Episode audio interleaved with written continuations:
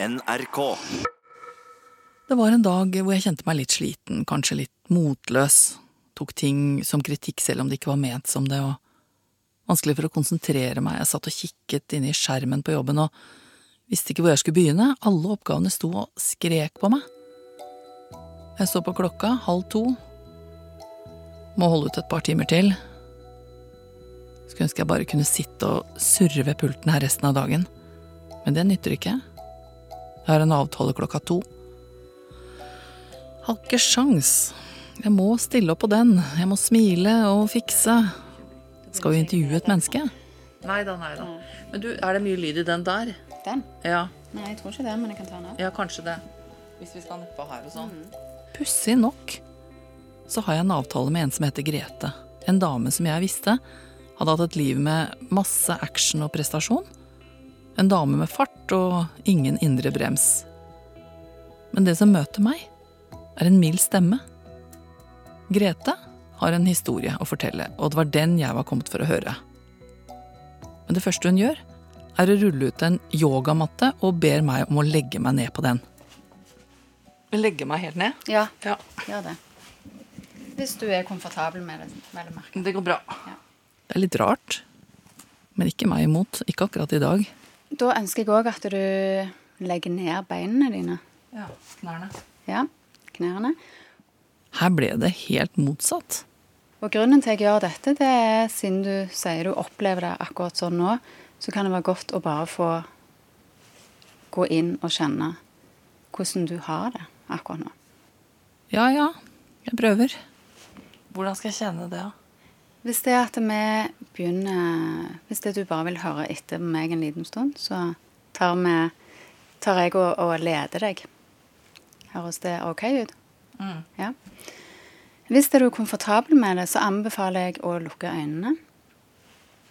Og så kan du godt holde hånden på magen, sånn som du gjør nå, bare for å kjenne hvor pusten er henne. Pusten, ja. Og dette gjør jeg eh, ofte sjøl. Det er mer for å få en liten sånn en innsjekk til deg sjøl. At du legger merke til hvor pusten din er akkurat her og nå. Situasjonen er snudd på hodet. Jeg ligger nede, og Grete sitter og får meg til å slappe av. Når du nå ligger på denne yogamatten, så prøv at du kjenner at den holder deg oppe nå, så du kan bare tillate deg sjøl å slappe helt av.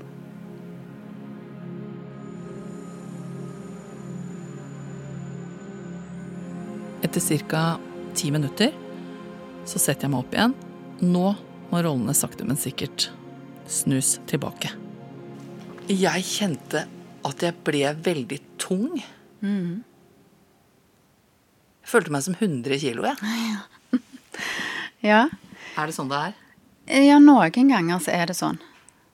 Men det er ganske vanskelig også. Ja. For når, jeg kom til deg, så var jeg litt urolig inni meg. Litt sliten, litt sånn øh, frustrert, litt sånn øh, Du vet. Dirrer nesten litt inn i kroppen, på en måte. ja. Og så skal jeg legge meg ned der. Ja. det blir litt sånn Jeg kan ikke ligge her. Altså, det blir litt for stille på en måte i Ja. starten. Kjenner du igjen den følelsen? Absolutt. Jeg, eh, første gangen jeg eh, begynte med meditasjon, så syntes jeg det var det største tullet jeg hadde vært med på. Eh, Jeg hadde lyst til å bare gå. For det at jeg har alltid kribla. Jeg, har- jeg har lyst til å være i aktivitet. Jeg skjønner ikke poenget. Jeg forstår deg veldig godt. Det var noe inni meg. Altså, jeg, jeg gjentok det jo. Jeg gjorde det jo. For det folk sa jo det skulle være bra. Men du likte ikke. Nei. Nei, jeg hadde egentlig ikke lyst til det. Men jeg gjorde det. For Grete Rød er dama med fart og krav til seg sjøl. Hun tar på seg knallrøde briller med markert tjukk innfatning. Hun ser på meg, og så sier hun Jeg kjente så mye uroen plutselig. Og jeg, jeg, alle kom på jeg hadde så mye tanker. Altså det var jo, De slo jo i hjel hverandre i ett sett. Hun snakker om yogamatta og pustingen. Og det å ligge stille og kjenne etter. Alt sammen bød henne imot. Men livet tvang henne ned på den matta. For meg var det veldig vanskelig. Ja, det var vanskelig. Men nå skal du høre hvorfor Grete likevel ikke ga seg. men prøvde å finne ro på matta. Det startet for noen år siden. Det var når jeg satt og veileda. Eh, skulle være på for andre og til stede for andre. Eh, der jeg kjente bare at det var rett før jeg måtte si at eh, du, det kan være jeg besvimer nå. Og tenkte kom igjen, ta deg sammen. Grete satt ofte i veiledningssituasjoner, én-til-én-samtaler, hvor hun satt og så rett på den andre. Jeg så personen, men jeg følte det begynte å flimre. Altså, jeg, jeg, kjente at jeg så ikke personen like tydelig. Jeg hadde òg utfordringer med å faktisk høre hva de sa. Hun klarte bare ikke tanken på å skulle ha noen flere veiledningstimer. Alt føltes svimmelt og skjelvende. Jeg tror kanskje noen kunne legge merke til at eh, jeg var ikke helt sånn som så de var vant med at jeg kunne være. Det var, ikke bare svimlingene. Jeg begynte òg å få eh, utfordringer med pusten altså et press over brystet. Som om du bare ble pressa sammen til det ble tungt. Veldig, veldig tungt. Og jeg skalv eh, på hendene, og beinene ble tyngre og tyngre. Jeg har alltid vært vant med å kunne gå fort. Elsker egentlig. Og jeg hadde hatt en periode der jeg hadde nærmest sprunget over gulvet til av og til irritasjon til kollegaer. Men eh, til at jeg greide nesten ikke å gå. Beinene var som om jeg hadde fått blylodd på dem. Veldig mye kaos. Det ble så gale en eh, gang at jeg, jeg lukket døren til kontoret, og da hadde jeg lyst å hoppe ut av vinduet. Jeg hadde, jeg hadde lyst til å bare flykte fra alle. Og var redd for at noen skulle komme bort til meg og snakke til meg. Eh, jeg går ut i gangen der så det er mange kontorer. Jeg var så redd for at noen skulle se meg. Og ned trappene Jeg, jeg nærma Ja, jeg sprang eh, nesten hyperventilerte for å prøve å få pust og for å holde ut på veien. Og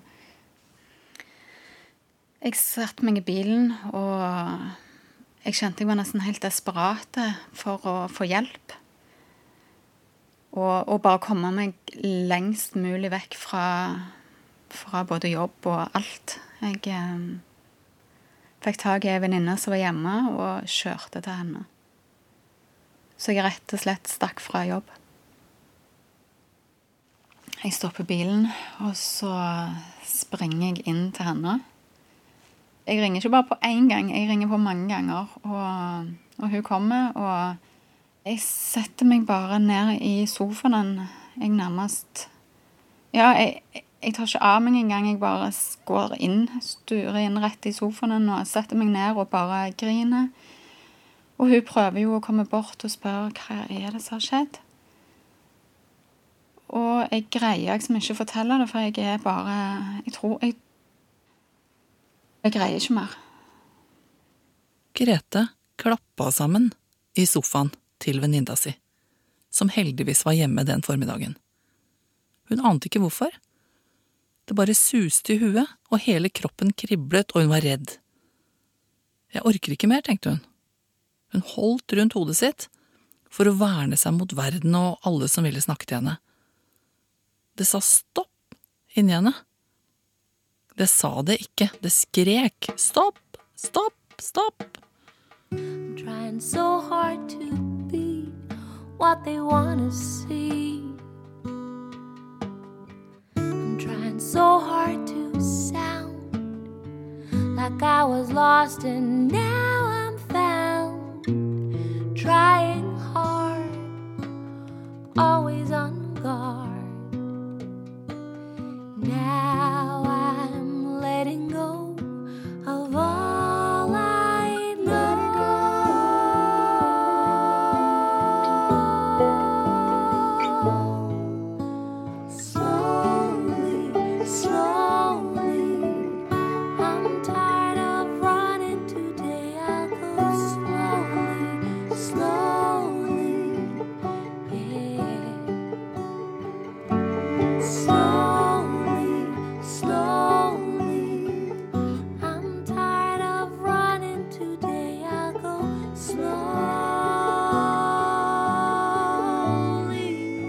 som er det rare Et halvt år eh, før dette så hadde jeg eh, masse energi. Og jeg var skikkelig sånn eh, duer. Jeg elsket å få Hvor mer jeg kunne gjøre, hvor, hvor mer gjorde jeg. Og jeg hadde to jobber og, og var veldig på. Jeg fikk ofte høre at åh, du virker som at eh, du har det så fint, og du er jo alltid glad, og du har så mye energi, og det er så lett for deg. Lett og lett. Jo, Greta hadde nok lett for en del ting. Jo, altså jeg visste jo at jeg kunne få til hvis det jeg bare ville. Og eh, det ville jeg jo. Grete ville nesten alt hun ble spurt om. Men helt umerkelig oppsto det en slags indre mental spagat inni henne. Så utenifra var Grete rolig og flink, men inni var det mye rot. Folk eh, har opplevd meg, eller tilbakemeldinger, da, det er at jeg ofte kunne virke veldig rolige. Eh, og det var ikke sånn jeg sjøl opplevde det. Hvis jeg kunne åpne opp nærmest eh, meg sjøl, altså ja, åpne meg opp, og folk kunne sett hvordan jeg faktisk hadde det inni meg, så var det langt ifra rolig. Jeg er kaos. Jeg hadde fullstendig kaos til tider. Eh, men jeg visste at hvis jeg bare sto eller oppførte meg på en måte, så, så nesten lurte jeg folk med at jeg var rolig. Men jeg var ikke det. Jeg piskte meg sjøl veldig mye. Jeg, eh, det har jeg gjort i mange år. Tell me it's alright,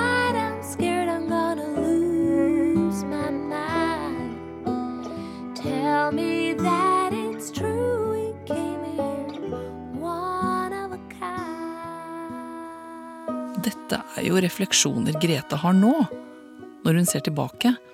Hun visste ikke helt at det var sånn den gangen. Det har vært en lang vei tilbake. Og det er rart å høre Grete, som er en liten og lett og rask dame, fortelle at hun nesten ikke kunne gå i lang tid. Kroppen var som bly. Hvert skritt var en kamp. Det var som å flytte et isfjell. Hvis det du kjenner på en smerte, eller det er noe som er uro inni deg, så bare registrer det. Akkurat nå så er det ingenting du skal gjøre noe med. Du skal bare ligge her og puste. Og det er ingenting som er rett eller feil eller skulle ha vært på en annen måte. Det er akkurat sånn som det skal være. Så prøv bare å akseptere. Og gi deg sjøl det rommet til å slappe av. Tenk at kroppen har så sterke virkemidler når den må fortelle deg noe. Tenk at den kan få deg til å suse i huet og skape en følelse av at alt går trill rundt.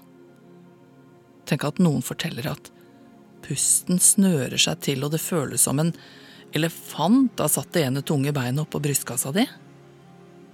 Er det ikke helt utrolig hvordan kroppen prøver å snakke med oss? Fortelle oss ting? Det begynner vel ofte litt høflig.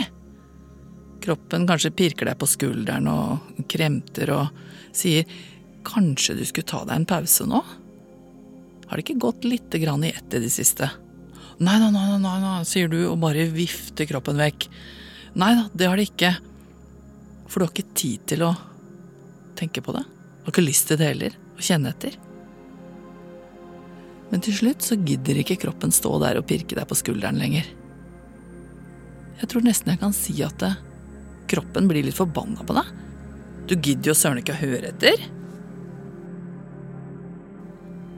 Kanskje vi kan si at den ikke føler seg sett og hørt? Og når man blir oversett lenge nok, så ender det ofte med at man smeller i bordet i full frustrasjon. Og det gjør altså kroppen også Jeg fikk eh, vende fokuset mitt innover til å legge merke til hva velger jeg å tenke. Hvor er følelsene mine henne? Og hva gjør det med meg når jeg har de forskjellige tankene? Og bare tillate seg å føle. Det ble nesten en ny verden for meg. At det er greit å være sint, det er greit å være frustrert, det er greit å, å være lei seg, det er greit å ha frykt. Altså alle de tingene som jeg på en måte har um, kjempa sånn med. Men det, det, tok en tid. Det var ikke sånn at det var gjort over natten. Det, ja, det tar tid. Så det at du begynte å akseptere mm. at ting var som de var, det gjorde deg frisk? Ja. Det vil jeg faktisk si. At det har hjulpet meg utrolig mye.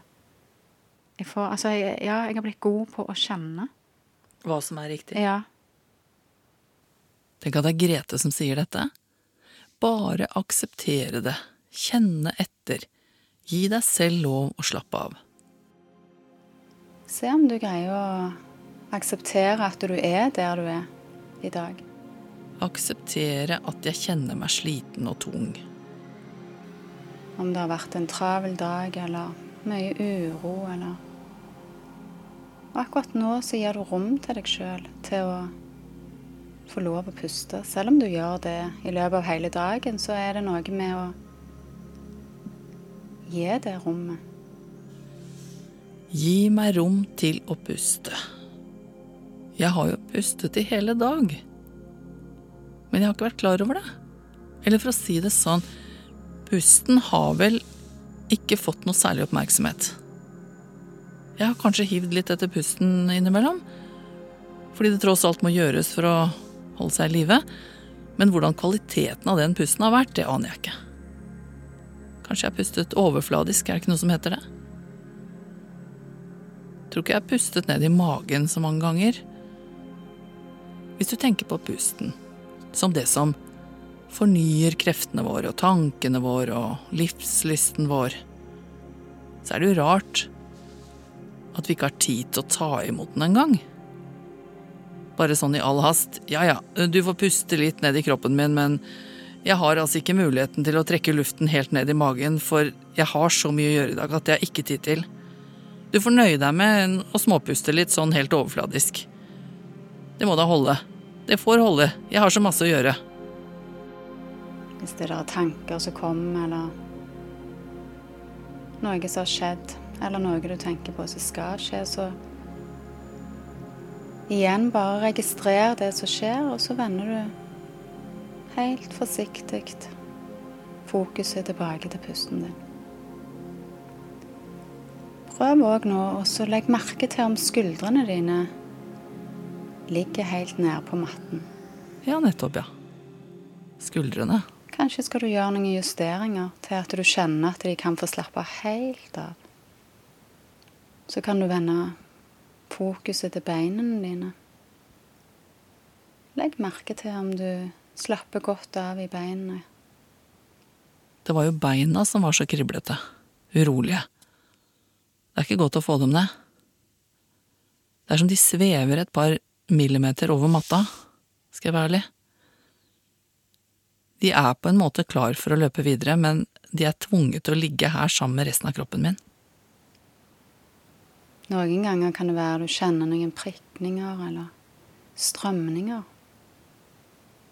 Og igjen så skal du bare legge merke til hvordan det er under fotsålene. Akkurat nå er det ingenting du skal gjøre annet enn å bare kjenne eller se eller gjøre det som du holder på med akkurat nå. Og det er vel nettopp det som er det vanskelige med dette. Å ikke gjøre noen ting. Ikke bruke tiden til noe. Ikke gå noe sted. Ikke tenke gjennom noe. Ikke forberede noe. Ikke avverge noe. Det er ikke lett. Jeg prøver alt jeg kan. Og husk hele veien å puste. Og av og til, selv om det er tanker som kjører, så allikevel så gir du kroppen beskjed om at det, eh, han kan gi litt slipp nå. Det har vært en lang vei fram og mye friskt mot for å prøve å finne en ærlighet i forhold til hvordan ting egentlig er for Grete.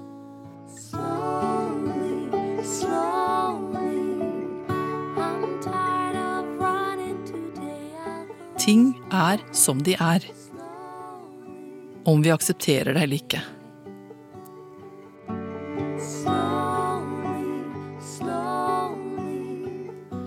En takknemlighet. Det var en ny måte å se det på.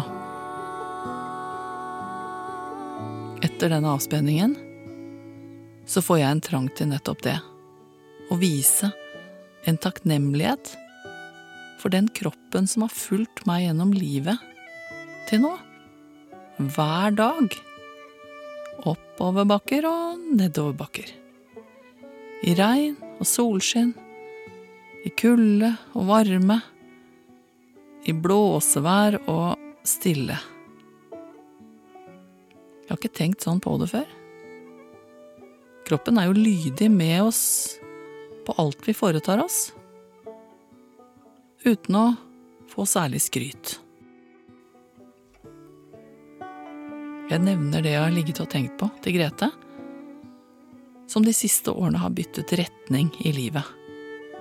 Ja, kanskje ikke retning, men metode. Men det er jo læringen for meg, det er jo oppdagelsen min.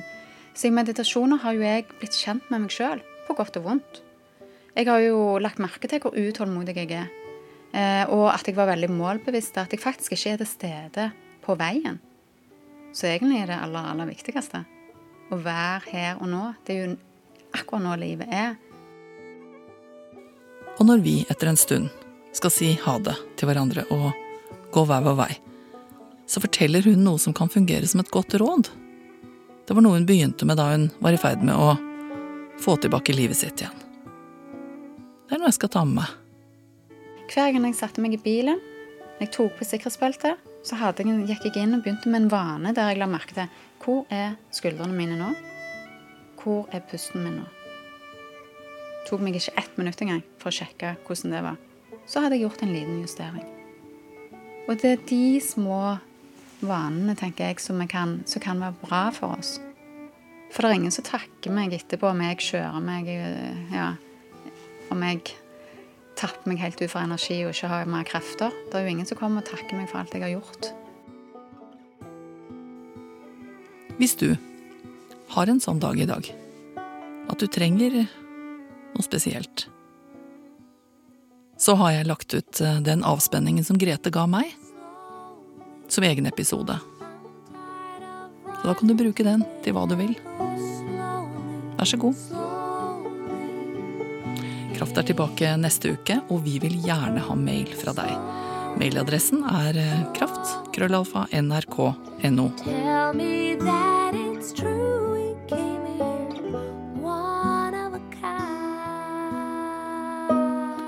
Konsulent er Hege Dahl, og mitt navn er Kjersti Kraft. Kraft. Kraft.